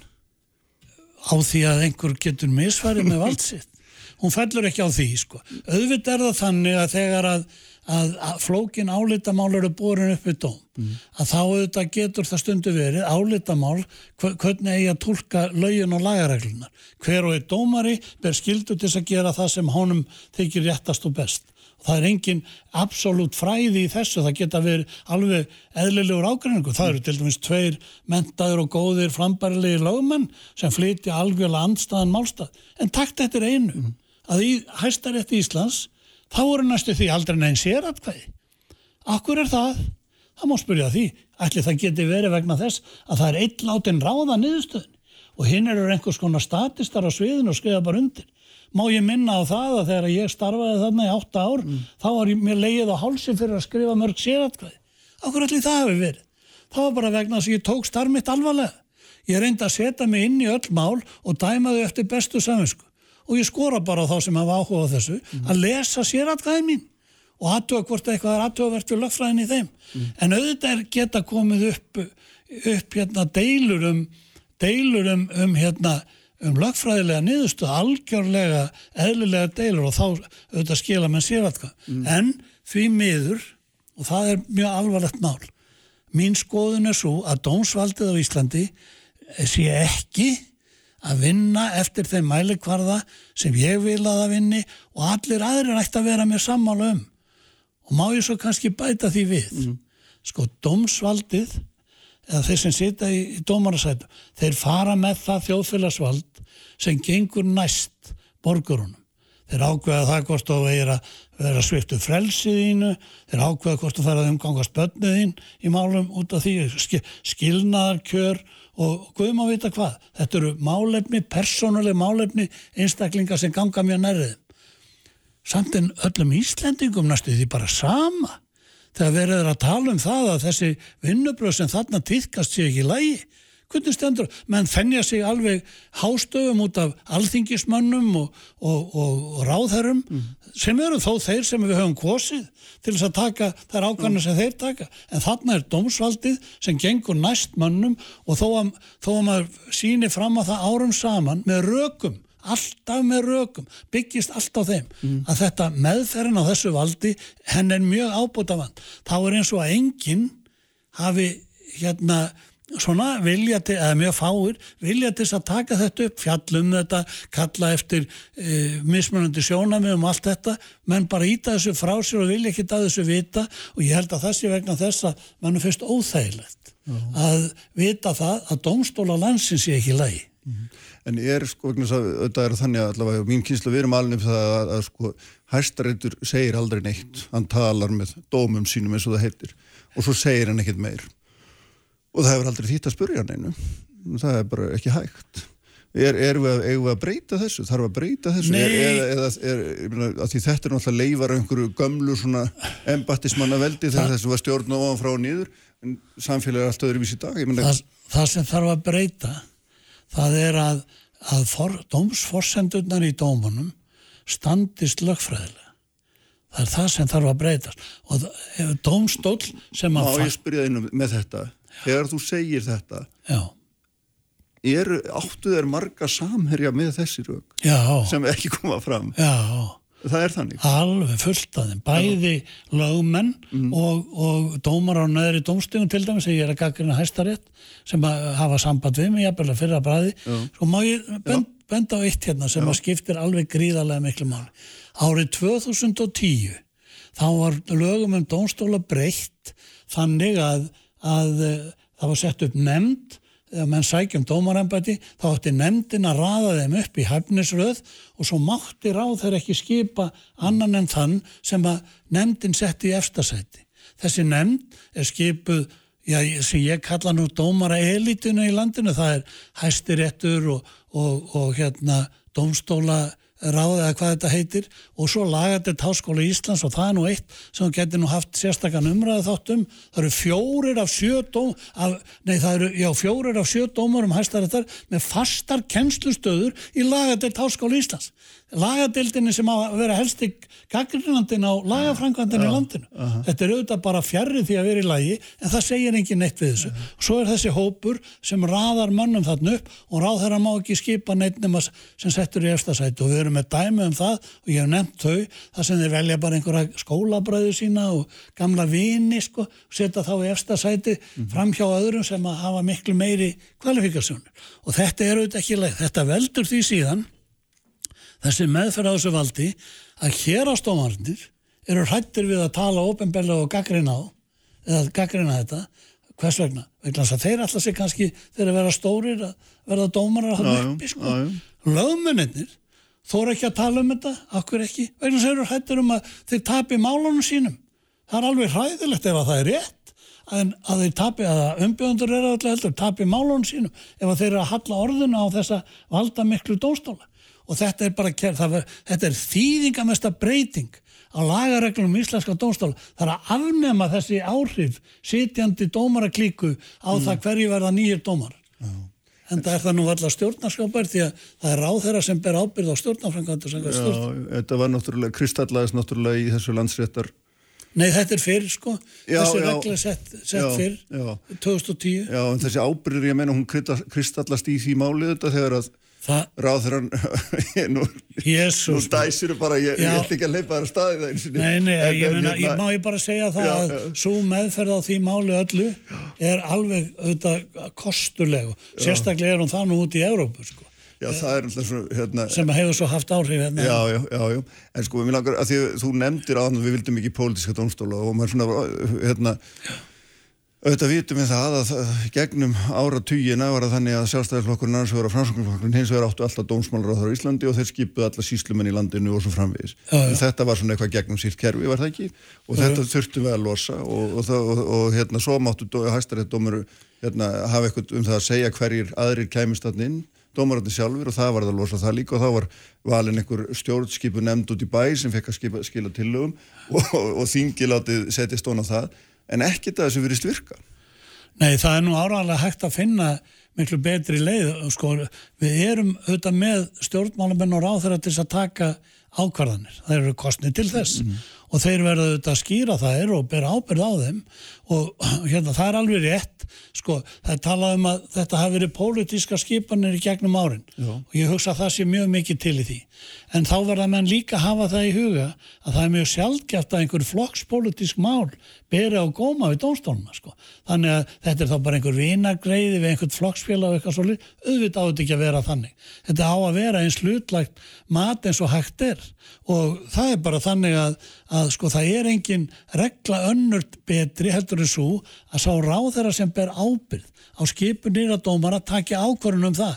En við getum hins vegar undirbúið þá ákvarðunum þannig og fyrst og fremst er það gagsægi sem þar á að gilda. Þannig að þjóðin getur öll fylst með því hvernig undirbúningurinn er að því að, að þeirri ákvarðun og, og hérna þá myndi ráðherran ekki komast upp með neitt annað. Hann fengi bara á sig eins og fjölmilar eru núna orðnir sko, dempuna af gaggrinni mm. á það ef hann er að skipa gegn uh, bestu manna yfir sín einhvern flokks félaga sinn sko eða eitthvað þess aftar og ég held að það myndi draga verulega úr þeirri hættu þó hún vissulega myndi ekki upprætast við þetta. Við þurfum að finna bestu leiðina í þessu og, og ég er alveg til í að setjast neður með einhverju mannum og finna hana Já. en hún er ekki fólkin í því að setjandi dómara elita í landinu velji nýja menn inn í hópin mm. þá velja þau bara gamla skólabræður og vinir, vini eins og það er nú skelvilegt að þurfa bara að segja þetta sko.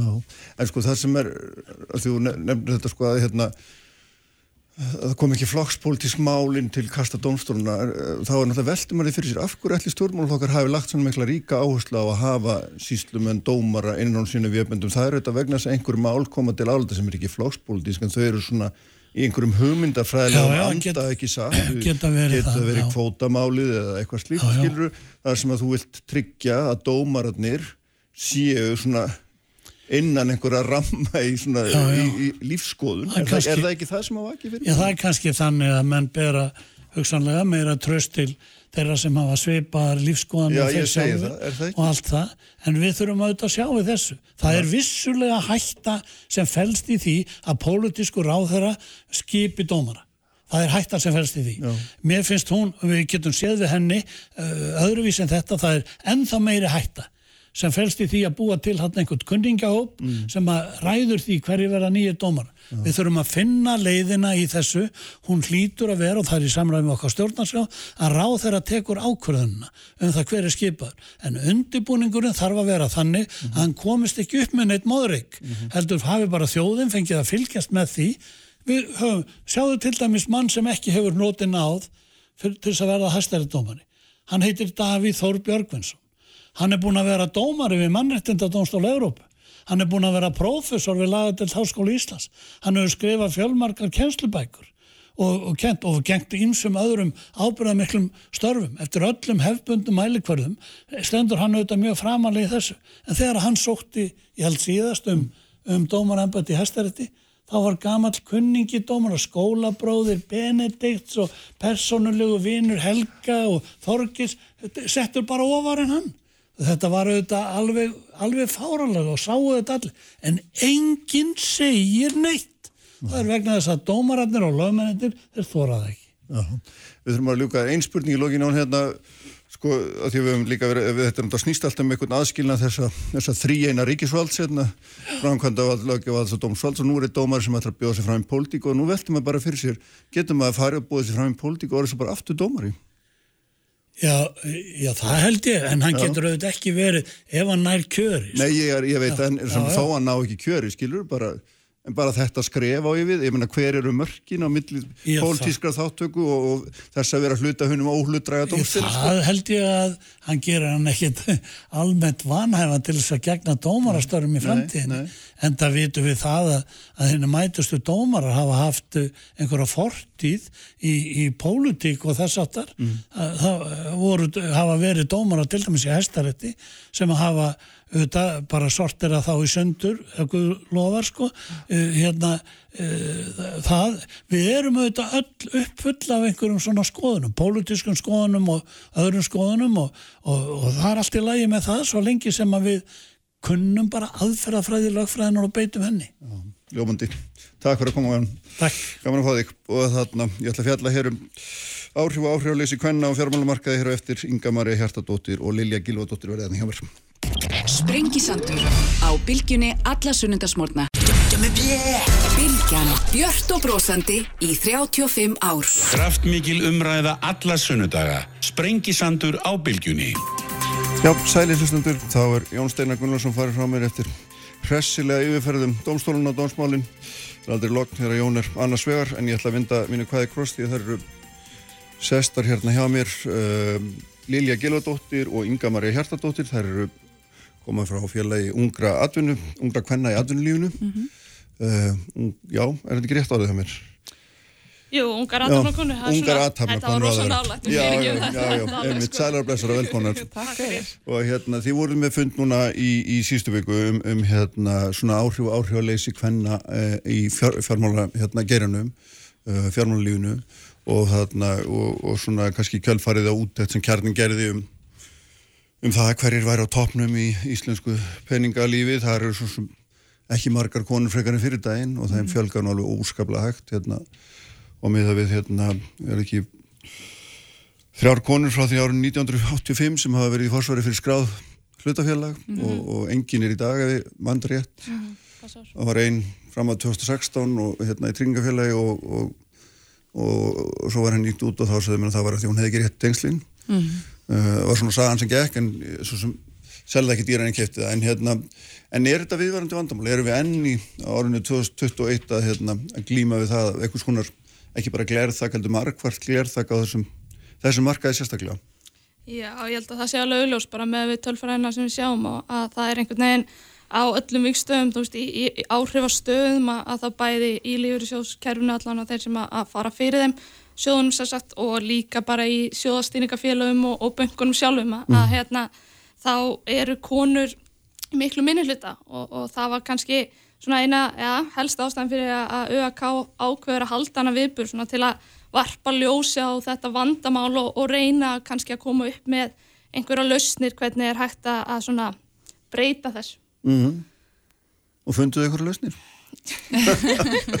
Stórtu spöðs. Já. Já, það var svona kannski almennt síðan það sem að, að þeir þáttungundur í panelinu fannst eh, kannski fannst mér allavega svona trendið í, í þessu að, að þetta væri ákverðin ákveð að gera þetta. Mm. og hérna en þetta tæki tíma og, og það er gott að blessa nefn að við erum svo ótalvar Já, akkurat. Það er hérna áhugavert innleggi þetta er það að, að hérna að því að nú fórt í bankagerunum að árið 2010 þá ákvaða bankastjóri landsbankans Steinþór Pálsson sem var þá nýtingi við að hann vildi hafa fjóra konur, frangatstjóra og fjóra kalla og kvika eitt frá því og gerði það bara mm -hmm. og það er einmitt alveg harrið, það var bara ákvörun mm -hmm. og hérna, en hann fekk nú aldrei nýtt sérstaklega mikið lof fyrir þetta allt og lítið allavega, en það er alveg rétt að þetta er þetta bara ákvörun og maður veldi fyrir sér, akkur kemur hún ekki hvað er það sem veldur því aldrei? Sko okkur grunnar að það sé smá hræðsla við þetta Já. og að hérna oft kemur þessi aðtöðasamt frá kallpenningnum að það er þá að halla á þá að móti og Mm. að konur eiga að fá tækifæri sem ekki skila því að reynilega verða bara ráðnir því að séu konur en það er náttúrulega bara ekki það sem við viljum. Við viljum bara tækifæri séu algjörlega jöfn fyrir bæði og, og bara öll kyn og að auðvitað á hæfast einstaklingurinn að vera ráðinn en við vitum alveg að það er oft hort framhjá hægast einstaklingunum að því að til dæmis kallmaðurinn hefur betri tengsl inn í starfstæðinu eða eitthvað svoleiðis. Mhm, En svo er líka hérna bara spurningin sko hvaðan aðhaldið á að koma? Og það er nú flest fyrirtæki með stefnur og annað slíkt um að, hvernig það er að hafa hagra þessum málum. En sko það og það er til dæmis eitt af þessum um að ræða að, að hérna að maður til dæmis tekur norsk ólausjón sem dæmi sem er reysa stór fjárfestir í, í heiminum að, að, að í þeirra fyrirtækjum sem að sjóðun fjárfestir í að það er að minnstu kostu að vera þrjár konur og tvær konur í stjórnum. Og í raun og veru þegar þe- þessi ákvörðin er tekin eða þegar hún verður tekin að þetta er til umræðu að þá allt í henni er orðin rosa pressa að gera þetta. Og, og þess vegna er maður líka svona ön, annað sjónumið sem við vorum að reyna að varpa fram á þessum viðburði er hvort að ætti að koma meiri pressa frá lífyrirsjónu sem eru langstæsti fjárfæstunumarkaði sem er, ræðir í raun og veru öllu. Já. og þetta er auðvitað bara lífyrirsjóður er það sem að ég og þú borgum í og, og það eru 50% greiðenda í lífyrirsjóð konur sko. Þannig að hérna að, svona mín persónlega skoðun er að það mætti alveg skoða það betur hvort að, að það mætti koma svona sterkari bylgja þaðan Já, einmitt. Þannig að hérna, í raun og verið þá snýst þetta bara um það að peningarnir fara ekki á einhver ákveðna staði nema það sé að það uppfyllt einhver ákveðin viðmið samanber eins og menn er tala um í ábyrgum fjárfestingum og þess að það er ekki satt. Algjörlega. Og svo líka bara eins og hún segir við erum, hvernig eru 50% þeirra sem að greiða í þessa lífærisjóði en við erum ekki 50% þeirra sem stýra fjármagnunu þegar að þangað er komið. Nei. og þá vitum við að okkar uh, peningar eru kannski ekki endilega að fara í það sem myndi nýtast okkur öllum jaft og þegar það er einsleitur hópur sem stýrir þessu fjármagni að þá átt vill að verða þannig að þær fjárfestingar og það sem verður úr þessum peningum fer kannski ekki endilega yfir eh, spannar ekki það sem að öll þjóðin þyrti heldur frekar kannski þessi sjálfi einsleiti hópur. Já, en nú hérna, auðvitað hefur maður hlusta á svipað umræðu í áratvíu og þá hefur oft verið sagt og, og svona þetta leiðréttist að sjálfu sér af því að einu sinni voru bara kallar í háskóla en nú eru konur í meiri hluta og þær eru komnar í meiri hluta í sennilega langt flestum greinum ég veit ekki með verkfræði og þess áttar en sjálfsagt er einhver munur en allavega í fjármálafræðanum, viðskipturfræðinni, hagfræðinni það eru einhver færri heldur en strákar. En þetta virðist ekki hafa svona neina sjálfkrafa afleðingar eða hvað? Nei, sko, þe þetta er nefnilega rosalega áhugavert að við erum að sjá það að konur eru að útskrást um mæni mæli úr háskóla heldur mm. kallar og, og þá ertu komið það að þú ert með rosalega hæft vinnuafl sem er ekki að fara í, í þess að gera og það er auðvitað þannig að, að sko ef, og þessar spurningu var einnig varpa fram, bara hérna er það eitthvað upplifun að það sækja færri konurum þegar það er alltaf einhver ástæða sem er heyri Já, bara, nei, heyrðu, það voru nú bara tvær og eitthvað. Og allan að samkvæmt því sem að þau séu að svo væri ekki. Þannig að hérna, það er alveg uh, mjög sko, það er, það er vandamál að við séum einhvern veginn hérna, með fleiri konur en samt í raun og veru, þú veist, þetta er svona vandamál sem að veist, verður verra því lengri sem hún ferða því að, að það er rannsókn sína og, og sérstaklega erlendis að konur og kalla koma inn í fjármálafyrirtæki í, í svipuðum mæli, svo ferða aðeins lengra að þá droppa konundar aðeins út og, og svo er þetta náttúrulega langverst þegar þú er komin á toppin sko. Og það þarf að tryggja það að konur haldist allarlega í gegn hver ástæðin er af hverju þær hérna, fari ekki alla leið, þú veist, þær eru örugglega margþættur og flóknar en, en það er mjög mikilvægt að, að skoða það og finna lausni til að þetta gerist ekki. Já, akkurat. Það er náttúrulega, hérna, aftur, meina, ef að, ef að sá sem á peningana segir að það verður að vera svona eða svona, þá kannski leysist þetta frá þeim, alveg eins og orlífisjóðurinn eru auðvitað að beita bara fjárhagslegum áhrifum, ekki satt, til þess að, hérna, þvinga sína viðskiptamenn til þess að standa sig í umhverfismálum eða verða mannréttindi eða hafa jafnstöðu kynja eða hvað svo sem er, ekki satt. Jú, og það er okkar er svolítið svona hjartansmál að fá alla að borðinu í þessari umræðu. Að þetta er ekkit bara vandamál okkar kvenna. Þetta er ekki kvenn vandamála að, hérna, að við séum ekki að, að ná upp í þessar stjórnendastöður. Þetta er bara vandamál sem við öll þurfum að tækla saman. Af því að það er bara gefur því uh, augljósa leið eins og voru að tala um hérna í morgun með, með örkjabandarleið að fjölbreyttari uh, starfsmannahópur og fjölbreyttari stjórnendahópur leiðir af sér afkasta meira fyrirtæki eða, eða fjárfestingarsjóða hvað sem er verið að tala um að hverju sinni. Þannig að það er bara okkur finnst þetta svo sjálfsagt mál og eins og Lilja segir, okkur, við nennum ekkert að vera eitthvað að býða lengur, ég meina ef við leiðum eins og bara að lullast svona áfram eins og hefur verið, á, ekki allstaðar margir eru að stíga stóra og góð skref en ef við leiðum eins og bara eitthvað að lullast áfram þá erum við að horfa á bara jafnrétti eftir einhver hundra ár skiljiði mig. Og vissulega flegir tækninni áfram en ég gerum ekkert sérstaklega ráð fyrir að vera enn á lífi þá. Og það er bara eitthvað sem við erum bara að, að einblýna svolítið á núna. Við þurfum bara að taka skref og það þarf að taka þessar ákvarðanir. Og þau og, þau, og þeir sem eru við stjórnina þurfa að bara setja niður fótinn og segja hér ætlum við að hafa jafnrétti. Hvaða skref þurfum við að taka til þess að ná því? Já, að því að við, eins og nefnum við, það eru þetta, háskólanir eru í sjálfsög konir í lag og það er líka búið að setja lögum, já, hlutfell kynja í stjórnum ekki satt og, Jú, hérna, jú, jú. Og, og, hérna, og svo er búið að setja samfélagsstefnur og en það er búið að búa til alla umgjörðina Já, sko. og það er kannski bara, Já, ég þá sko, er nú, nú eitthvað þarf eftir. eitthvað Nei, það er auðvitað mjög mikilvægt að, að það er eitt að vera með hérna, stefnu og það er hann að, að framfylgja henni sko. þannig að ég held að það sé mikilvægt fyrir fyrirtæki að, hérna, skoða það vel hver á fyrir búndurinn frá þér sem, fyrir spurningin bara Nei, ég, var bara, já, ég var bara að leggja út af því að það væri sagt, lög um Já,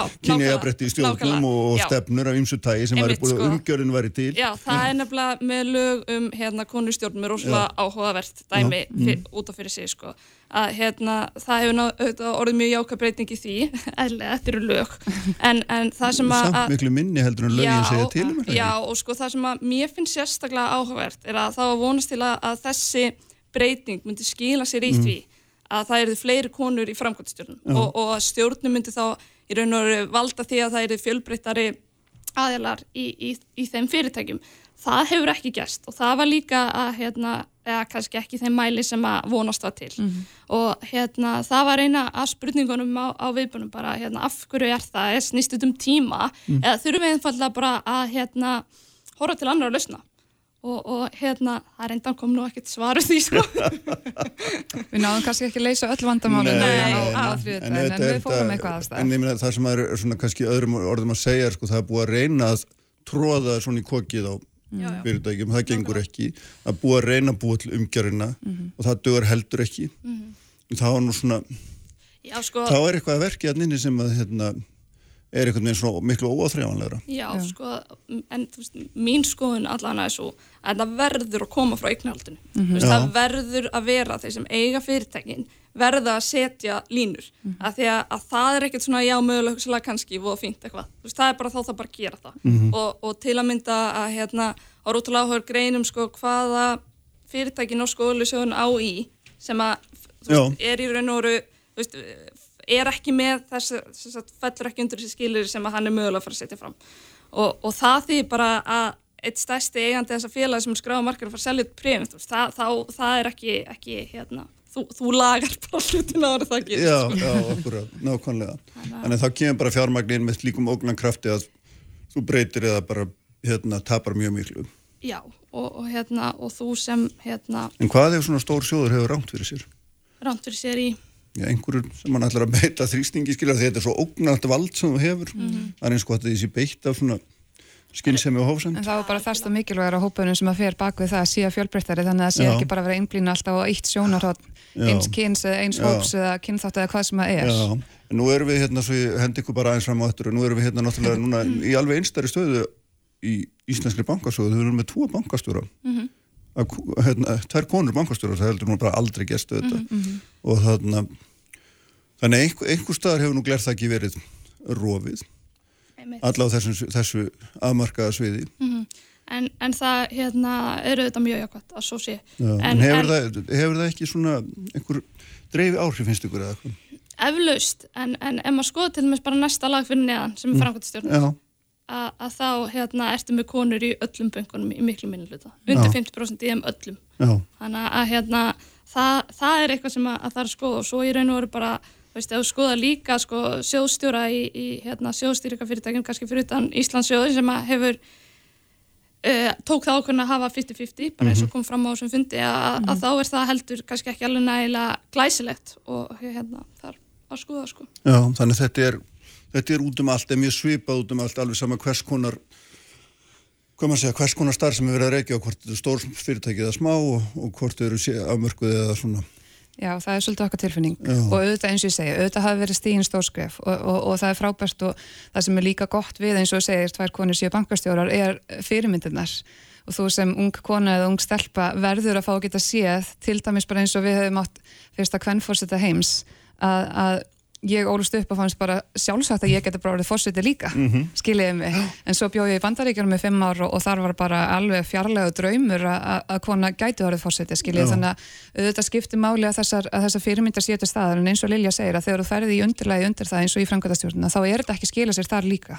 Og það er ekki nóg að hafa bara, herðu, við erum með hérna konu sem forstjóra, áfram við. Ég, þú veist, frábært höldum áfram, þú veist, stígum þetta skrefinu lengra og förum í lögin sem eru undir því að því að þar er þetta í alvörunni að skipta máli Já, ég held hérna að það var nú oft þannig, ég held að Þórildur Þállestóttir hérna leikstjóri og stjórnmála kona hún orðaði það ekkert tíma þannig að það væri þetta væri svona tókenkonur og það var nefnilega komið áhugavert í panelu hjá okkur, nú mann ekki hvað hann heitir sjóstjórin sem var, lífissjóstjórin sem var Snædís. Snædís, já. já.